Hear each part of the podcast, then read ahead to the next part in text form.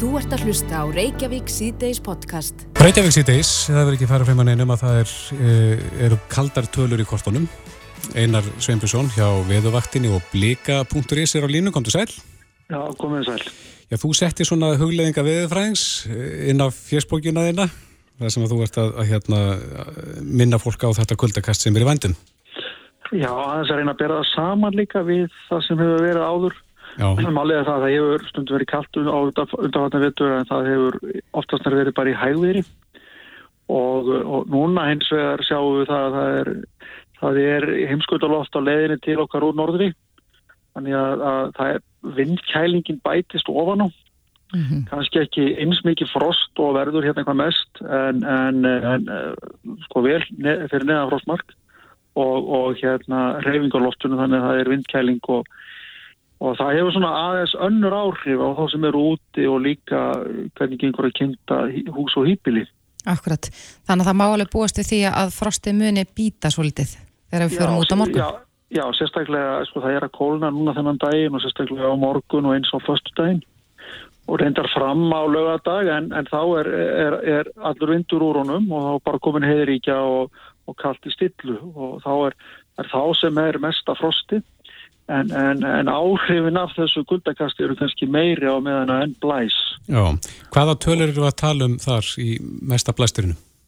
Í, sko, mesti blæsturinn er um austanvillandið, þar er, er verið að spá 20-25 metrum á sekundu núni nótt. Þannig að leiðast með svona mikinn vind að þátti kannski dregur úr frostinu á samanskapi þannig að þú ert ekki, að láta undir frostmarki, tvær þrjári eitthvað svo leiðis. Mm -hmm. En síðan er, það, svo næri þessi strengur, hann næri yfir landið allt getur við sagt sko e, það er, er, er ekkit e, það er ekki landsluti sem sleppur hvað, hvað, Fyrir ekki, hvaða tölur eru að tala um? Hvað fyrir við hátt í, í vindkjælingunni? Já sko, við erum að tala um, um sem sagt, til dæmis hérna á höfuborgarsvæðinu að frostið verði kannski 5-7 stig og minna át á nesi, vestur á seldinni nesi, þar er meiri vindur og, og hérna, ég vil ekki segja 5-7 stig og, og 9-10 metrar á sekundu 9-10 metrar á sekundu hérna á höfðborgarsvæðinu mm -hmm. Og þú, ég sá að þú skrifaði hérna inn á blika.is og inn á Facebook síðan en að uh, sé dus, uh, ríkið dusta vindkælingatöflunum muni frost. Já, jafngildan er í 16 stegum Já, þú ert búin að finna þetta, ég var búin að gleyma þessu hvað ég skrifaði. Ég er með þetta fyrir frammi Já, já, já, já Sko það er, já, það er á, á dögum sem þessum þurfum við á vindkjælingartöflum að halda. Já, þurfum við ekki að fara að bæta því við bliku? Eh, hver veit, jú, hver veit, svona allavega, allavega, allavega svona á, á, á svona dögum sem þessum. Ég held það á, á stjérinu það sem að blæs svolítið mikið að þá skipti þetta miklu máli. Það er kallt, á veituna, já.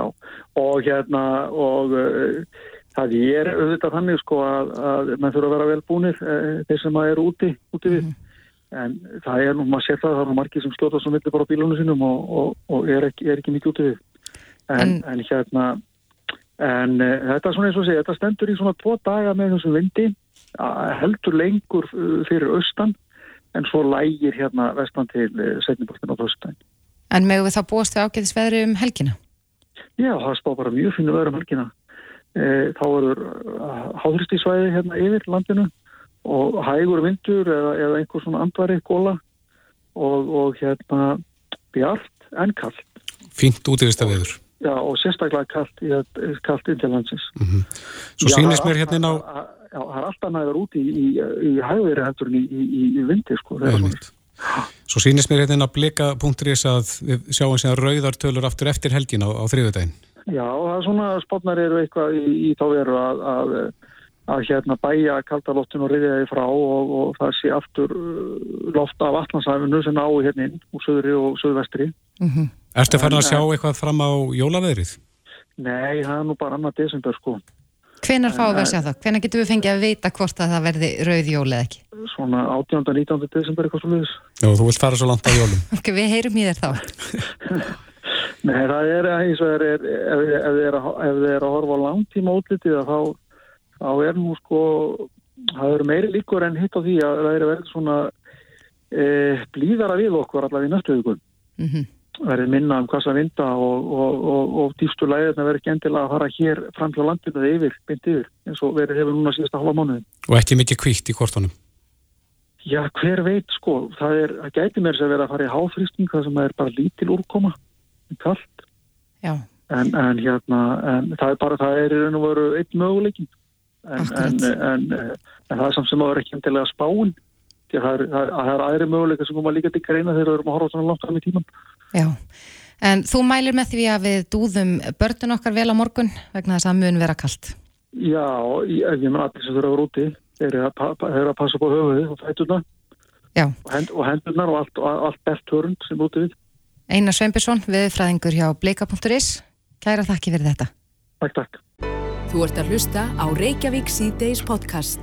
Við þreytumst nú ekkit á því að ræða um bóluefni en það er þetta eitthvað svona mesta eftirvænting sem ég man eftir. Já, besta frétt í langan tíma þegar að frétti barast af því að, að þessa prófani gengur svona vel. Já, en nú hafa bresk stjórnvöld heimila nótkun á bóluefni Pfizer og BioNTech gegn kórnuverinu. Já, og eru fyrstir í rauninni til þess. Akkurat, fyrsta þjóð til að stíga þetta skref. En uh, svona, við veltum við fyrir okkur að spjalla einn á bara hvað þýðir þetta fyrir okkur? Við vitum að við erum búin að fá staðfesta skamta í gegnum Európusambandið, mm -hmm. en í hvað ferli fyrir þetta þegar að er búið að staðfesta og hvenar ætlum við þá byrju? Já, og er eitthvað að sérstaklega stofnanir innan landana sem að þurfa að, að staðfesta og veita þetta leiði? Akkurat. Á línunni er Björn Rúnar Lúðvíksson, en hann er professor í ónæmisfræði og yfirleiknir ónæmislækninga á landsbítalunum. Kom til sæl Björn. Já, góðan daginn. Er eitthvað, eitthvað apparat hér sem að þarf að samþekja lifið eins og í Brellandi? Já, það er, er umverulega, við tökum mið af uh, reglu þeir sem að Evróska lífarstofnunin gerir og náttúrulega lífarstofnunin hérna heima, hún uh, gefur vantarlega endarlegt leifi uh, fyrir þeim livjum sem að verða þá leifi til notkunnar hérna heima. Mm -hmm. Að það er vantarlega lífarstofnunin hérna heima sem að gefur það leifi en hún tekur þá mið af því e, þeirri ráðleik, þeim ráðleikingum e, sem að Evróska lífjastofnunin mun, mun veit gera en, en við erum alltaf rosalega e, hafmyggjusum og, og spenti yfir þessari flottu frétt sem kemur núna frá Breitlandi mm -hmm. Og það mun væntanlega hraða ferlunu þó að ég þóri nú ekki að lofa því en og svo er það náttúrulega sóttartanleikni sem að endingu sko ákveður það eh, hvaða lið verður nótuð og, og, og til hugurinn á því vantarlegi samstarfi við landlæknis, embatið. En þetta kerfi hér er nú ekki stórt í sniðum, er þetta að flýta ferlinu hér þannig að við getum þá byrjað kannski fyrir en aðrir að, að dreifa bólefninu? Ég held að það sé mjög erfitt vegna þess að við, eh, sko þetta er náttúrulega grundvallast fyrst og fremst á leiðinu í fyrsta leiði mm -hmm. og, og um leið og það er komið að þá eru öll löndin núna komið með mjög gott kerfi og, eh, og ég veit það að það er líka nánast tilbúið nú ef ekki alveg tilbúið uh, dreifingin og svo náttúrulega nýlega bara, gott það var ekki 2007 Uh, november sem að ný reglugerð var, var samþygt í álþengi um það með sko, hverjir verða bólusettir. Mm -hmm. þannig að það er búið að skipta okkur upp í tíu hópa landsmönnum og uh, það er svona stemt að því að, að klára fyrstu fimm forganshópana sem eru, eru kannski þeir sem eru mest áhættu. Uh, og við erum, ef ég maður rétt um 20% af uh, landsmönnum. Mm -hmm. þannig að, að síðan í sjöttu hópnum er stæsti hópurinn sem er, er mjög stór hópur eftir að sagt sem eru sko, einstaklingar 60 ára eldri. Og, og uh, þannig að þá ég veit ekki hvenar þetta klárast en auðvitað vonum að við séum að klára sko, þenn, þessa hópa einhver tíman í februar mars kannski. Þannig, þannig stóra hóp sem þú talar um 60 ára eldri Já, þeir, já þessi, þessi sem að og svo, svo, svo tínast inn hópanir uh, sko, sjöndu hópurinn er til dæmis uh, hópur sem að uh, tilherir mínum skjólstæðingum að miklu leiti sem einstaklingar með undirliggjanda langvinna sjúkdóma mm -hmm. og uh, þannig að þeir koma þarna einhver tíman í, í, í miðjum hópen en í forgangi er heilbyrðisstarfsmenn sem eru í, í mestu bráða þjónustunni á bráðamóttökunum og görgjörslu deildónum Akkurat. og svo þetta einn helbiði starfsmenn og aðri starfsmenn svona eftir því hvers útsettið þeir gætu verið Já, Þa, það hefur, já, Kári Stefánsson fórstur í Íslenska erðagreiningar var nú ekki alveg sammála þessari forgangsröðun sem að, að kynnt var um daginn. Er, er þú sammála því að heilbreyð starfsfólk eigi að vera fremst í röðunni en ekki þeir sem er með, já, eins og þeir sem er undirleikjandi sjúkdóma eða aldraðir? Ég held að tölunar eh, sjálfur sér sko tala sínu máli. Það, það sem að er skiptir svo miklu máli í þessu er að verja eh, sko helbiðiskerfið og helbiða eh, verja það að við getum sínt þessu fólki og það kom ekki upp uh, hætt ástand og þess vegna held ég að þessi forgangsröðun sé mjög skeinsaleg og er algjörlega ósamála kára hvað þetta snertir en, uh, en þetta er náttúrulega stefna sem uh, alþjóða helbiðistofnunin hefur tekið og, og bandaríska helbiðistofnunin og fleiri hefa rumörlega fyllt, þannig að ég held að þetta sé langt skeinsalegasta leiðin. Þú sagðir að þú vonaðist til þess að það var í, þá verið að ljúka við að bólusetja þennan hóp þarna, elsta hópin kannski, hvað, sagði ekki, mars, april? Já, ég er nú vonað að verði fyrr, ég er svona vonað að verði undir lokin og februar byrjunum mars. Já, erstu þá að tala um setni, setni gjöfina? Nei, það sem verið að verið að byrja bólusetninguna. Sko. Á byrjuna? Já, já, það er á, á tryggja til fjara vikna fresti eftir um hvaða bólefni verða að ræða. Mm -hmm. Og ég held að það ætti, ætti að takast og jafnvel fyrr ef að, ef að hérna, ef átækið verður þess mun öflur og við fáum eh, og hvers frætt við fáum lifin, það er náttúrulega líka stýrist af því. Já, það kom fram hérna í frett á vísi í dag frá Breitlandi að tala er að bólusetningi í Breitlandi hjá þessum áhættuhópum geti hafist bara á allra næstu dögum. Megu við búast við því að þetta verði svipa hér þegar að öll sko, samþykjir er komin í gegn og, og, og uh, Livjastofnuna hefur, hefur samþykta hér að við getum þá bara byrjað örfam dögum síðar? Ég sé ekki því til fyrirstöðu. Það hljóta að vera goða fréttir. Já, það er náttúrulega alveg, ég minna það.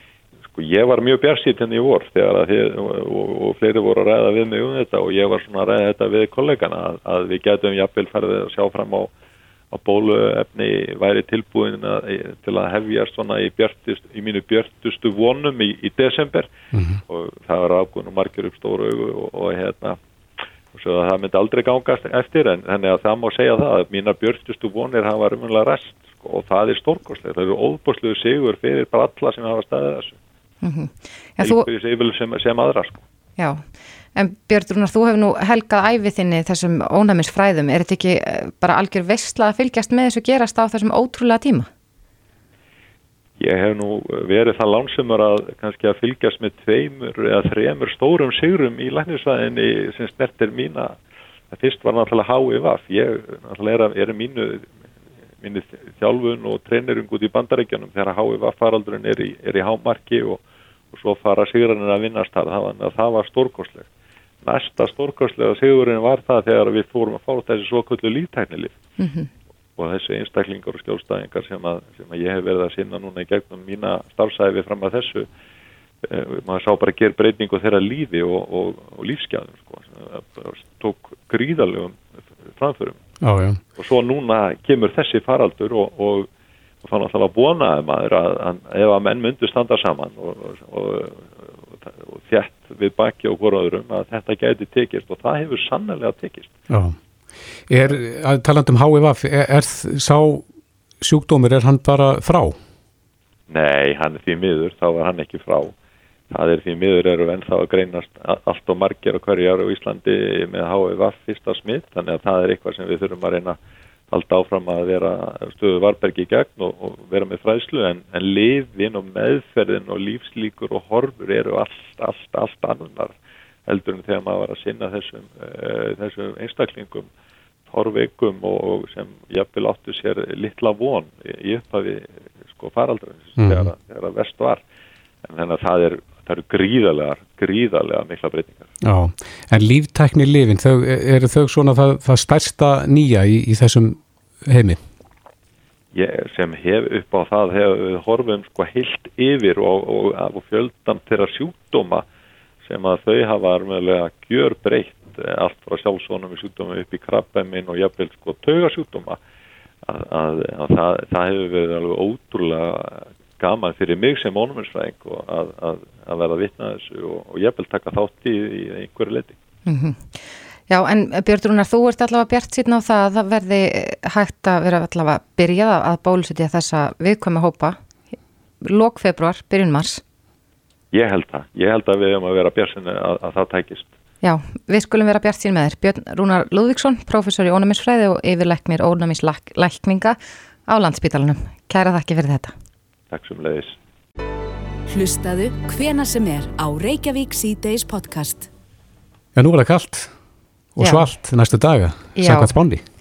Ég get ekki sagt að ég sé mjög spennt fyrir svona miklum kulda. Nei, En uh, nú verða að hvetja okkur til þess að, að spara vatnið. Ég fekk til dæmis tölvupost frá grunnskóla dóttur minnar á þann og, og skólasund fellur niður á morgun. já, Þess- Vatnið verður sparað í borginni. einmitt. Við heyrðum hérna uh, áðan í Einari Sveinbjörnssoni, viðfrængi sem að fóra aðeins yfir þetta með okkur, þetta kuldakast sem er framöndan en á línunni er Guðmundur Óli Gunnarsson, hann er starfandi fóstuðmaður hýtaveitu hjá Veitum, komdu sæl. Já, komið sæl. Já, þið eruð að búa ykkur undir, eh, er það ekki svona hálfgerðan skort á heitu vatni? Ég við sjáum fram á það að uh, það, við gætu lendi í, því að það verði afhengistur á uh, heitu vatni uh, ef að spárgang eftir. Er það vegna þess að það er vantar heitt vatn eða annar kerfið ekki eftirspurninni? Ég sko, það er þannig að, kerfið í raun og veru er, við erum að fara út fyrir þau mörg sem að kerfið mun anna ef að spárgang eftir uh, að óbreytu. Uh, við erum búin að vera að grípa til aðgerða til að auka aflið í kerfinu. Mm þess að hækka hitastig frá, frá virkinum á helliseiði og, og nesjöflum Mm og uh, svo erum við að uh, reyna að vinna saman í því að lækka hennan afltopp og það er þannig með spartnaðkvætningu til almennings Akkurat. og, uh, og uh, eins erum við að, hérna, að skerða það vatn sem að hægt er að skerða. Uh, það er sem sagt notur sem eru með þessu kvöldi skerðanlega tækta og það er meðal annars söndlegar og, og og annars konar notendur sem að viðskiptavinnir sem að sem, að, sem sagt, eru með þannig starfsemi að þeir geta uh, orðið sem sagt fyrir skorti án, án alvarlega afleðingar. Akkurat þannig að, að áherslan er lögð á já, heimilin. Að ná að Já, já. halda heimilum hlýjum og góðum. Já, það er okkar fyrsta áhersla. Halda heimilunum hlýjum og góðum og, og, og hérna við þurfum við nú bara samstelt átakt til þess. -hmm. En hvað getur við gert heima hjá okkur til þess að reyna að halda í hitan og, og hérna bröðleikti með heitavatnið? Sko, það sem við getum gert er að halda gluggum og, og hurðum uh, lokum, eins og hægt er. Uh, við getum uh, í að fara í heita botta, rétt á meðan kuldakasti gengur yfir Mm og við getum hérna uh, slefti eða minkað innspýtingar á snjóbrastukerri til dæmis. Já, Er, er algengt að fólk sé með þannig? Er það þá, eh, já eins og til þess að hita upp gangstéttir og, og plön og annað slíkt? Já, það er hægt að spara þar. Uh, það er bara að passa að fara ekki að þeim merkum að einhvern tjón verði en, en, en til dæmis loku kerfi sem eru með þá innspýtingar á, á heitu vatni að, að það er hægt að uh, spara með því að uh, minka innreysla á þau. en þú segir að kerfið ann ekki eftirspurninni, er, er, er þetta kerfi orðið úr sér gengið? Nei, sko, kerfið er uh, byggt upp með við uh, þær áallanir sem að, og, og, og þá uppbyggingu sem við erum að horfa á hverju sinni. Það sem er sérstakt núna er að við erum að sjá 11% aukningu á, á framræslega heitu vatni uh, á milli ára frá, því, frá sama tími fyrra. Þetta höfum við aldrei sjáður.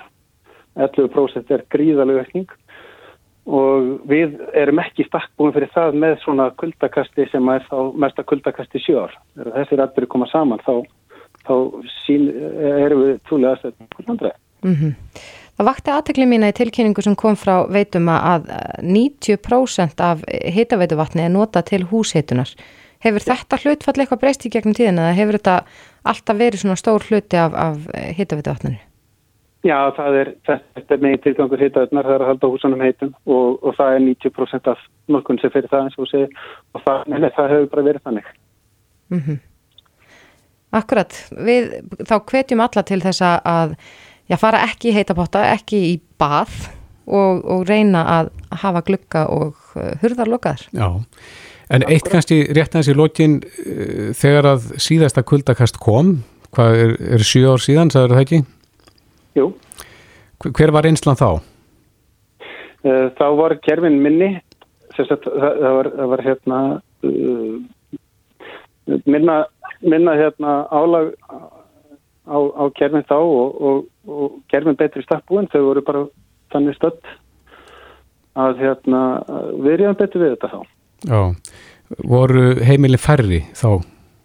Já, það voru bara, og, og, og náttúrulega vorum ekki búin að sjá þannig topp eins og núna, einhver 11% aukning. Við höfum mest er að sjá svona 4,5% þegar mest er, yfirleitt 1,5% og 4,5% á ári. Þannig að þetta hefur náttúrulega áhrif. Já, akkurat. Já, við slúum að sem flesti tætti þátt í, í þessu og, og þið ætla ekki að draga úr kraftinum á kjærfinu, eða það? Hvað segir þið? Dra, dragið úr kraftinum á kjærfinu? Já, það getur orðið þrýsti minkun og það verður þrýsti minkun þegar, álæði verður sem mest. Mm -hmm. Þannig að þeir sem ætla að láta renna í heitan potta, þeir þurfa ekki að vera að hissa því þó að renni hægt í hann. Já, ég maður bara sleppa því. Akkurat. Ja. Við mælum með því. Guðmundur ja. Óli Gunnarsson, starfandi fórstuðumæður Hítaveitu hjá Veitum. Kæra þakki fyrir þetta. Takk sem leis. Reykjavík síðdeis á bylginni. Jæja, Reykjavík síðdeis. Nú er farið að, já, mennur fannir að brína nývana og sverðin, svolítið á, á þingi. Já, það er kannski gott að það sé yngir nývarni sverð á þinginu en Óli Björn Kárasson, þingmaður sjálfstæðisflokksins, hann er bóðar andstöðu við stjórnarfrömmverð brá þeirra framsóknar og venstri græna Já. og þetta snýra hennum ímsu málum. Já. Meðal annars frumvarp Sigur Inga Jóhanssonar um lámarks fjölda íbói sveitarfélögum mm -hmm. og hann, já, í raun og veru kallar þessa hugmyndafræði sem liggur þar að baki ógeðfelda í grein sem hann ritaði í morgunblæði dag. Já, Óli Björn er á línunni, kom til sæl. Sæl og blessu. Er komin eitthvað kostningastjálti í mannskapin? Nei, ég, það kann vel að vera en, en ég held að með sé nú kannski uppteknir af öðru hér en, en kostningum eins og það sem komið er. Það segð okkur yfir... Það, það, það er ekki nýtt að ég lýsi yfir andstöðu við þá hugmyndafræði að þvinga sveitarfjölug með lögum mm -hmm. að samennast.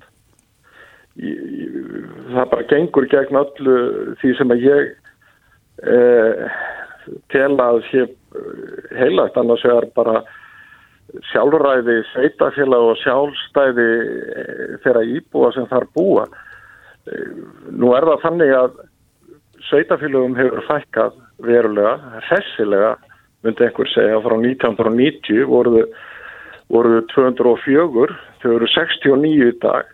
Það eru sveitafélög í viðræðum um sammenningu vegna þess að það er á þeirra forsendum og samkvæmt ákvörðunum íbúana sjálfur að hérna kanna það með hvað hætti hérna það ég hugsaðlega að saminast öðrum sveitafélögum styrkja innviði þessara sveitafélög og svo framvegð.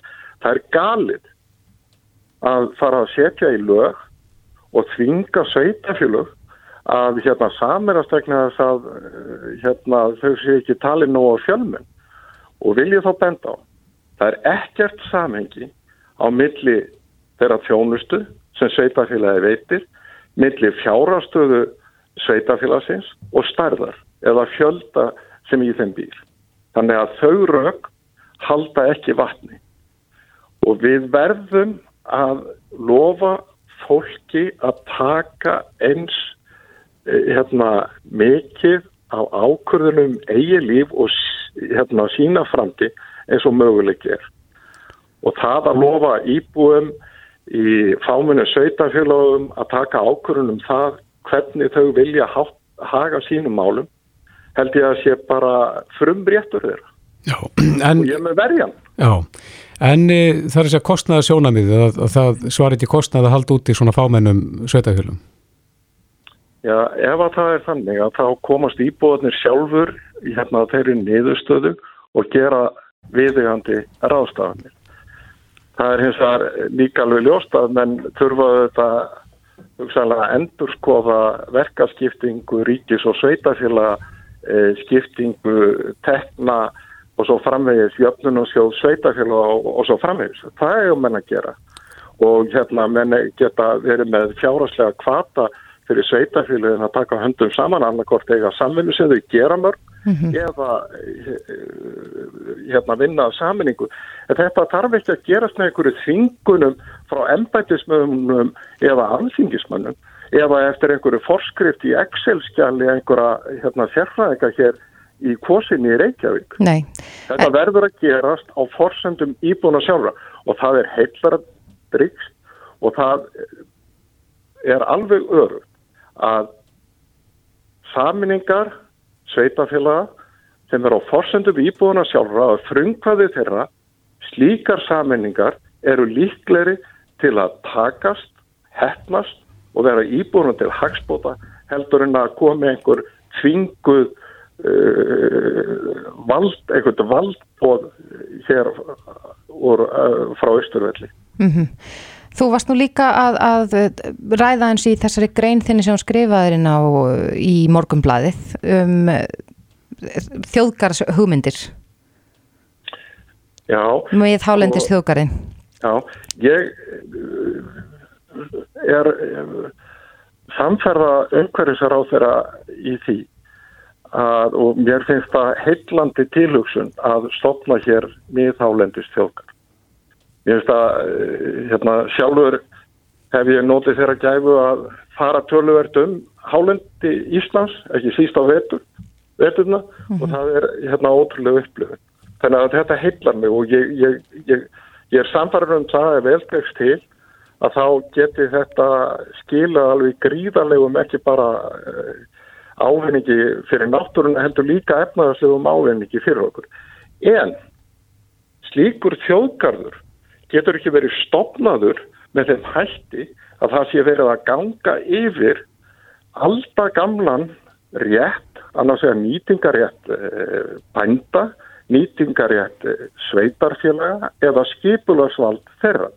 Þetta er aftur komið af þessu grunn sjónarmiði mínu að lofiði fólki heima í héræði að halda völdum, halda, hérna, geta haft, e, hérna, eitthvað um það að segja hvernig málum er háttað í þeirra eigin garði. Þú segir í greinin að þetta sé, ég, já, fyrir ekki Óli, þú segir... Ég, ég er samferða ráðverðanum í því og sammála að það er eftirsóknarvert að stopna miðháðstjóðgarðin en það má ekki gerast með þeim hætti að hérna, það sé verið að koma eh, taka af einhvern nýtingarétt, umgengnisrétt eða skipularsvald að sveitafélagun eða komið vekk fyrir hafðkama nýtingu þeirra öðlinda sem þar eru. Þú segir líka þessari greinað og talar um löngunina til að stýra öllu úr 101 Reykjavík. Já, finnst ykkur það ekki? Sjálfur. Ég, ég hef bara enga skoðun á því. Ég, ég, sko, nú, nú er ég auðvitað þingmaður eh, þjættbílis, það er að því ég er þingmaður í kraganu, svo kalla. Já.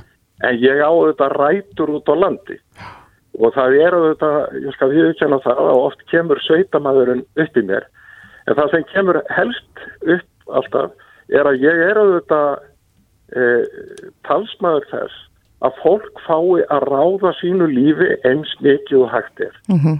og þannig nálgast ég og reyni að nálgast sem flest mál og, það, og, þannig verð ég að gera það alveg óháð hérna, því hvar ég bý Já, en... Lofiði fólkinu að lifa sínu lífi og taka ákvarðanir á sínum eigin fórsend. Já, þú seg, vilt ekki að ákveðin grunnprinsip verði brotin og, og þar í þessu grein nefnir líka sko, til dæmis við endurskoðun sóttvarnalaga. Er eitthvað í þessum endurskoðu sóttvarnalögum sem, sem að þér finnst já, brjóta í báa við þessi grunnprinsip? Já, ég held að með að við hvernig eh, ákvæði nokkur ákvæði þess að frumvars eru þannig að þau ganga allt og látt. Það er allt og langt gengið að, að eh, til dæmis að það geti verið ákvörðun sóttvarnarlæknis að setja hér á útgöngubann. Það sem vandar inn í þessi lög er að, að tryggja það að líðræðiskjörnir fulltrúar sem eru þá þingið í þessu tilfelli komi af þeim ákvörðun sem þarf að taka við aðstæður eins og nú hafa verið að undanfarta mánuði sem ég vonaði upplifum aldrei en það auðvitað skiptir máli. Og það gengur ekki og er ekki hægt að búa við það að það séu embætismenn eða frangvöldavaldi ráþera sem hafi hérna, uh, það vald mánuðum saman að takmarka hér réttindi fólks, ganga á borgaraliði réttindi, hvort heldur atvinnuréttindi með takmörkunum sem geta verið skinsamlegar, þetta verður ekkert með það að gera heldur er að hvernig ákvarðanir eru teknar En, en Óli, já og það sé tekin á þeim já. ábyrð ofinberlega með skýrum hætti hvaða forsendur er litja baki ákvarðanum og það sé rætt hér í þingsar. En stundu þarf að taka ákvarðanir uh, bregðast hratt og stjókt við ef að, ef að þessar ákvarðanir þurft að fara í gegnum þingið, er því þá, hvernig heldur það er því? Nei, menn geta tekið þar ákvarðanir en það er eins og til dæmis geta komið upp og hafa komið upp í fortíðin. Aðstæður þar sem að ríkistjóðn hefur talið sig þurfa að setja á bráðabyrðalög. En þau bráðabyrðalög hefur þurft að leggja fyrir alþingi innan ákveðins tíma til samþykis eða sinnunar. Og það er þetta sem ég er að tala. Um. Rétt aðeins í lokin, Óli, að þið verðum að falla á tíma. Já.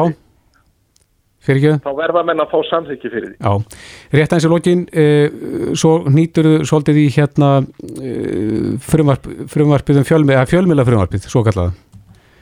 Já, það getur nú alla komið neinum og óvart sem er fylgst með því sem ég hef sagt um fjölmiðla. Nei. Ég eh, segi, herru, ég vil tryggja heilbritt umhverfi hér fyrir fjölmiðla þannig að sjálfstæðir miðlar fái hér á vaks og dafna. Mér finnst þetta frumvarf bera þess merki að við sjöum í hlutverki læknir sem forðast að taka upp skurðnýfin og fjarlæga meinið en gefi sjúklingum þessi stað verkefnið. Ég fyrir von að hann svona brakkist eitthvað og geti lifað einhverju svona sæmilegu lífi mm -hmm. í stað þess að skera burt meini sem eru þetta samkjöfnisrekstur ríkis útvarsins á auðlýsingamarkaðu og á öðrum þáttum. Í stöttumáli hvað á að gera til viðbótar og hvað er ekki verið að gera? Já, það verður auðvitað verið að e, taka ákvörðinu að leggja til að, að styrka sjálfstafa fjölmila eftir ákvörðinu leikreglum og menn geta rægt það en það er ekki verið að takast á við meinið sem er samkjörnisregstur ríkis útvarsins og þá er ég fyrst og síðast að horfa auðlýsingamarka en ég er líka að tala um þáttöku ríkis útvarsins þegar það kemur í útlegu á húsnæði og eða tækjum og og svo framvegis. Já, þannig að í þessu frumvarpi er ekki tekið á, á ríkisúðarpinu og auðlisengamarkaði? Ekki með neinum hætti. Og stendur ekki til? Já, við skulum láta að reyna á það, eða ekki. Já. Ólífitt Karlsson, þetta er bara fín yfirreðið við þetta, við heyrum það bara, það er komin kostningasjáltið, það er, það er einhvern blöð með það að fletta, sama hvað með segja, en takk fyrir þetta. Takk sjálflega. Þetta er Reykjavík C-Days podcast. Reykjavík sítið svo bylginu heldur áfram ég rakst á ansi áhugaverða frétt eh, hérna á vísi mm -hmm. en þar segir frá því að matvæla eftirliti í Singapúr eh, hefur gefið grænt ljós á kjúklingabita inn, innan gæslepa frá bandarísku fyrirtæki en bitarnir eru raunverulegu kjúklingaprótini en eru ræktaðir á tilraunastofu og því þarf ekki að slátra kjúklingi fyrir kjötið. Maður hefur heyrt að þessu og einhvern tíma var nú talað um hambúrgara mm -hmm. sem að var nú reynda heilmikið vesen að, að rækta og hann var talin dýr en það er spurning hvort að menn séu búin að finna einhverja nýja ódýrari leið til þess að, að framleiða. En það allavega kemur hérna fram að, að sko týjir annar fyrirtækir nú að vinna að því að þróa svona vöru já. og þetta er auðvitað gert til þess að bæði að draga úr loftslags eh, áhrifum mm -hmm. og svo sláturinn á dýrum. En mennur hérna ræði þetta inn á þingi? Já, allavega var Björn Levi Gunnarsson, þingmaður Pirata sem að, að tjáði sig um þetta á Facebook síðu sinu og tók tíðundunum fagnandi en Björn Levi er á línunni, kom til sæl. Góðan dag. Já, þú fagnar þessu og segir hér að næsta bylting sé að hefjast. Já, tímanlust. Eh, ég hef lagt fram þýmsalóttunan til þess að ríkistöldun skoði hvað áhrif þetta hefur á íslenska landbúnað og sjáur og þau líka, líka. Að eh, þegar við fáum aðferð til þess að búa til kjött og í rauninni hvaða frömmur sem er eh, að þá eru forsendur okkar til þess að, að, að veiða fisk það eru rauninni nokkuð hornar. Eh, það breytir þó nokkru miklu í, í heldarsammingi svona íslensk hafkerfis.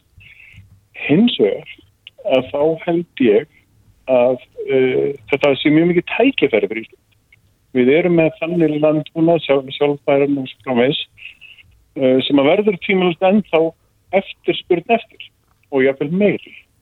Þannig að, að þetta er rosalega áhugaverð þróun í bara matala framlegslu og, og er algjörlega nöðsynleg með að við það að við erum að fara að fjölga mannkynum um ykkur 50% á næstu 30 ári.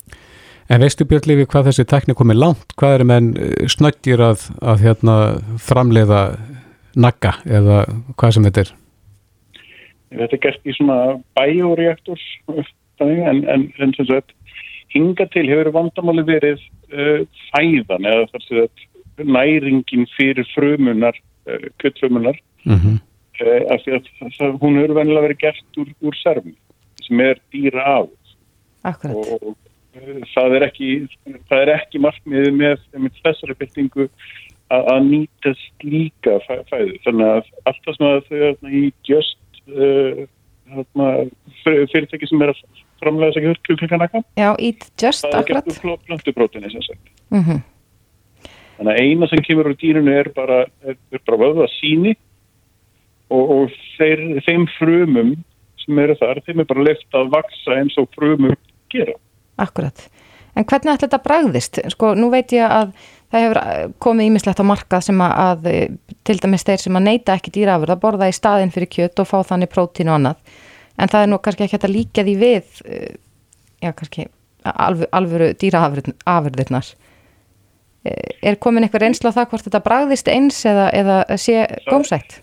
Það, það er svona áskorunin hvað þetta var, það er svona áförðin en ekkert endilega bragðið sem slíkt af því þetta er náttúrulega bara vöðafrömmur mm -hmm. alveg svo kjötið sem það er tímur með borðið og þá snýst, snýst þetta mikið um með mitt magn af uh, fytu með uh, og æðumurinn eða blóði sem að, breytir öllu, öllu í þessu. Það er hemoglóbíni sem hefur, hefur rosalega miklu áhrif á bræðis uh, en, en sem sagt það er komið stokkalega langt á ákvæmt. Það sem getur verið ákvæmt er að þessi framleysla geti orðið mjög góð til þess að uh, fæða dýr gæludýr til dæmis og, og, og bara önnur dýr til tilhjapil mann mm -hmm. því að það er gríðalegt magn af landi mitt sem fer bara í framlegslu á uh, af, afröðna mat fyrir, fyrir dýr fyrir, fyrir menn. Og, og þessi framlegsla hún sparar á 99% af landri við, við sjáum það til dæmis í fiskeldi að 75% af all, öllu sem fer í að fæða fiska í fiskeldi að það er, er afröður sem eru rektaðar á land mjög verkefætt Já, en Björnlefi, er, er eitthvað sem að kemur í vekk fyrir að svona fyrirtæki getur tekist til starfa hér? Ekki svo ég veitir til, nei. Nei, þannig að ef að það er eitthvað að hlusta núna sem að vil hefja svona rekstur þá, þá er það bara leifilegt og ekki til fyrir stöðu? Ætti ekki vera þannig, þetta er svo gríðarlega áhugaverð þróun fyrir framtíðina, sérstaklega bara í því ástandi sem við erum núna, maður bara þetta faraldur með að gera, því að faraldrar undan, af undanförnum hafa komið til upp á svona í svona dýra uh, svona, þannig dýrum er að tjappa saman mm -hmm. það er, er síklánaði út af mikill síklagjöf uh, síklaglifegjöf sem sagt sem að við myndum losna alveg við ef við værum með svona framlegslega en ekki verksmiðju framlegslega á kjöti eins og við erum með núna. Þannig að þessi tekník myndi komið í staðin fyrir það en gera kannski framlegslega á, á, á, á dýra dýrarækt eins og er hérna í Íslandi myndi gera hann með kleftusótur. Já. En þú og þið kallið eftir því að þið fáið samantækt um stöðu kjötræktar hér landi fyrir... Það var í heiminum. Já, já, í heiminum. Þeir eru að fá og, og hvaða áhrif það hefði á, á uh, bara íslenskt haugkerfi samfélag. Akkurat. Já, þetta eru áhugaverða pælingar og, og eins og þú segir möguleg bylting í þessu málum. Björnlefi Gunnarsson, Þingmaði Pírata, kæra þakki fyrir þetta. Takk svo leiðis. Reykjavík síðdeis á Bilginni podcast. Reykjavík síðdeis á Bilginni heldur áfram ég held að það séu fleir, sko, fleir en ég sem eru alltaf verið að finna sér eitthvað svona uh, að gera til mm -hmm. dæmis um helgar Einmitt. við erum ekki að, að fara út á lífið og, og nú er það svolítið kallt og þannig að það er gott að vera heima Já, fólk hefur verið svolítið uppátækta samt Já, rosalega, auðvitað vitum við af því að það eru fullt af tónleikum sem er búið að streyma beint í stofu til okkar og, mm -hmm. og svo eru svona fjár pub quizorðin mjög vinsal í vinahópum en ég tók eftir því hérna á Facebook hjá mér að, að nú getur maður fengið heimsenda spurningakeppni í hverri viku. Já. og þeir sem þekkja mig veit að ég er mjög mikið spurningaspila nörd, ég til dæmis mm kláraði pubquiz uh, spilið bara á nokkrum vikum, ég bara var búin að læra svörum við öllum spurningum og ég var búin að spila það svo oft. Þannig að þetta er eitthvað fyrir þig? Já, þetta er eitthvað fyrir mig, að fá nýjar spurningar í hverju viku. Já, sendar heim. Akkurat, mm -hmm. en, en þetta heitir spursmál og á línunni er Magnús Sigurbjörnsson, hann er stafrættraðgjöf og einn þeirra sem eru með spursmál, kom til sæl. Hæ, hæ. Já, segð okkur aðeins frá þessu, hvernig virkar þetta? Sko, spursmálið var svona gömul hugmynd hjá hérna, og hérna við eh, ákvæðum svona að búa til eitthvað svona sem að henda það ágætlega í hérna í því svona COVID og við vorum aðeins að buga sjálfur og við langaði að gera bara eitthvað svona eitthvað svona smá skemmtilegt hérna með með öllu þessu leðilega sem að fylgir lífin í dag mm -hmm. en hérna já, hann er spursmál þess að bara uh, svona, svona bara spurningakefni sem við sendum alltaf á fyrstu dögum rétt fyrir á þeim og, og er, hérna, eina sem að fólk þarf að gera er að skrá sig á, á spursmál.is og þá, þá fær fólk svona 25 spurningar sem það getur nota bara í heimapartíin eða, eða fjárpartíin eða, eða upp í vinnu hjá sér aðeins að leta sér lund og Já, þetta er eitthvað sem gerist ekki fyrir ekki Magnús á, á netinu sjálfu, þetta er eitthvað sem fólk bara notar þá svona sína milli heima uh, eða vinnu. Algjörlega, það, fær bara spurningar þannig sendt og svörinn og svarblað, það vil nota sér það og það getur verið bara frjálst með reglurna hvernig það vil setja það upp mm -hmm. þannig, þannig að þið skaffið spurningarnar Akkurat og svörin við þeim mm -hmm. en uh, hvar fáið allar þessar spurningar? maður veltaði fyrir sig, er þið setið sveittir við allar daga að, að semja nýjar og nýjar spurningar fyrir hverja viku? Já, það er svona eins og við erum að gera það núna mm -hmm. og mhm. hérna, við erum líka bráða spurningarnar svolítið korrent, svo það er kannski eitthvað sem hefur verið að gerast í vikunni eða, eða í mánuðunum mm -hmm. þannig að fólk tengir aðeins við og, og það, kannski, það, það, það er svona svolítið skemmtilegt líka.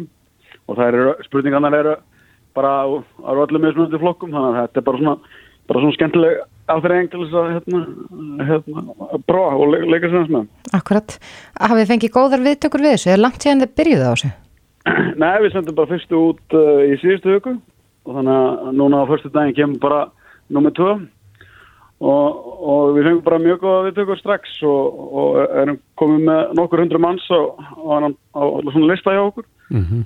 og, og það er bara eina sem að fólk þarf að gera, það er að skrá sig á spursmál.is Já, getur þú nefnt okkur dæmi um spurningar? Eða spurningaflokka? Já, já, það er bara uh, bara úr, þú veist, íþróttum yfir í, í stjórnmáli, yfir í lífið og hva, hvað sem er sko, ég held að bara að segja ímislega fyrir alla þetta. Eitthvað fréttatengt og svona líka? Já, aldrei. Ég reykt til dæmis augun hérna í að ég sé henni á síðan í okkur að hér er einn spurning bara hver leikur Chandler Bing í Friends og, og spurningin þar á undan er eh, hvað heitir eiginkona Joe Biden þannig að þetta eru greinlega fjölbreytta spurningar. Já, það er guð að fara að reyna á, held ég, reyna, reyna allavega öllum flokkum. Hvað heitir eiginkona Joe Biden? Hún hefði Jill Biden ég vissi það ekki sko. Ég var stressaður sko. Ég ætla ekki að klúra þessu. Nei. En, en sko þetta kostar ekkert. Það getur bara hver sem er skráð sig og bara fær þetta sendt á, á tölvuposti til sín og getur nýtt að vild. Já. Þetta hljómar á gott til að vera satt. Eða. Magnús Sigurbjörnsson stafrættarafgjafi, kærar þakkir fyrir þetta. Takk, takk. Reykjavík síðdeis á Bilginni podcast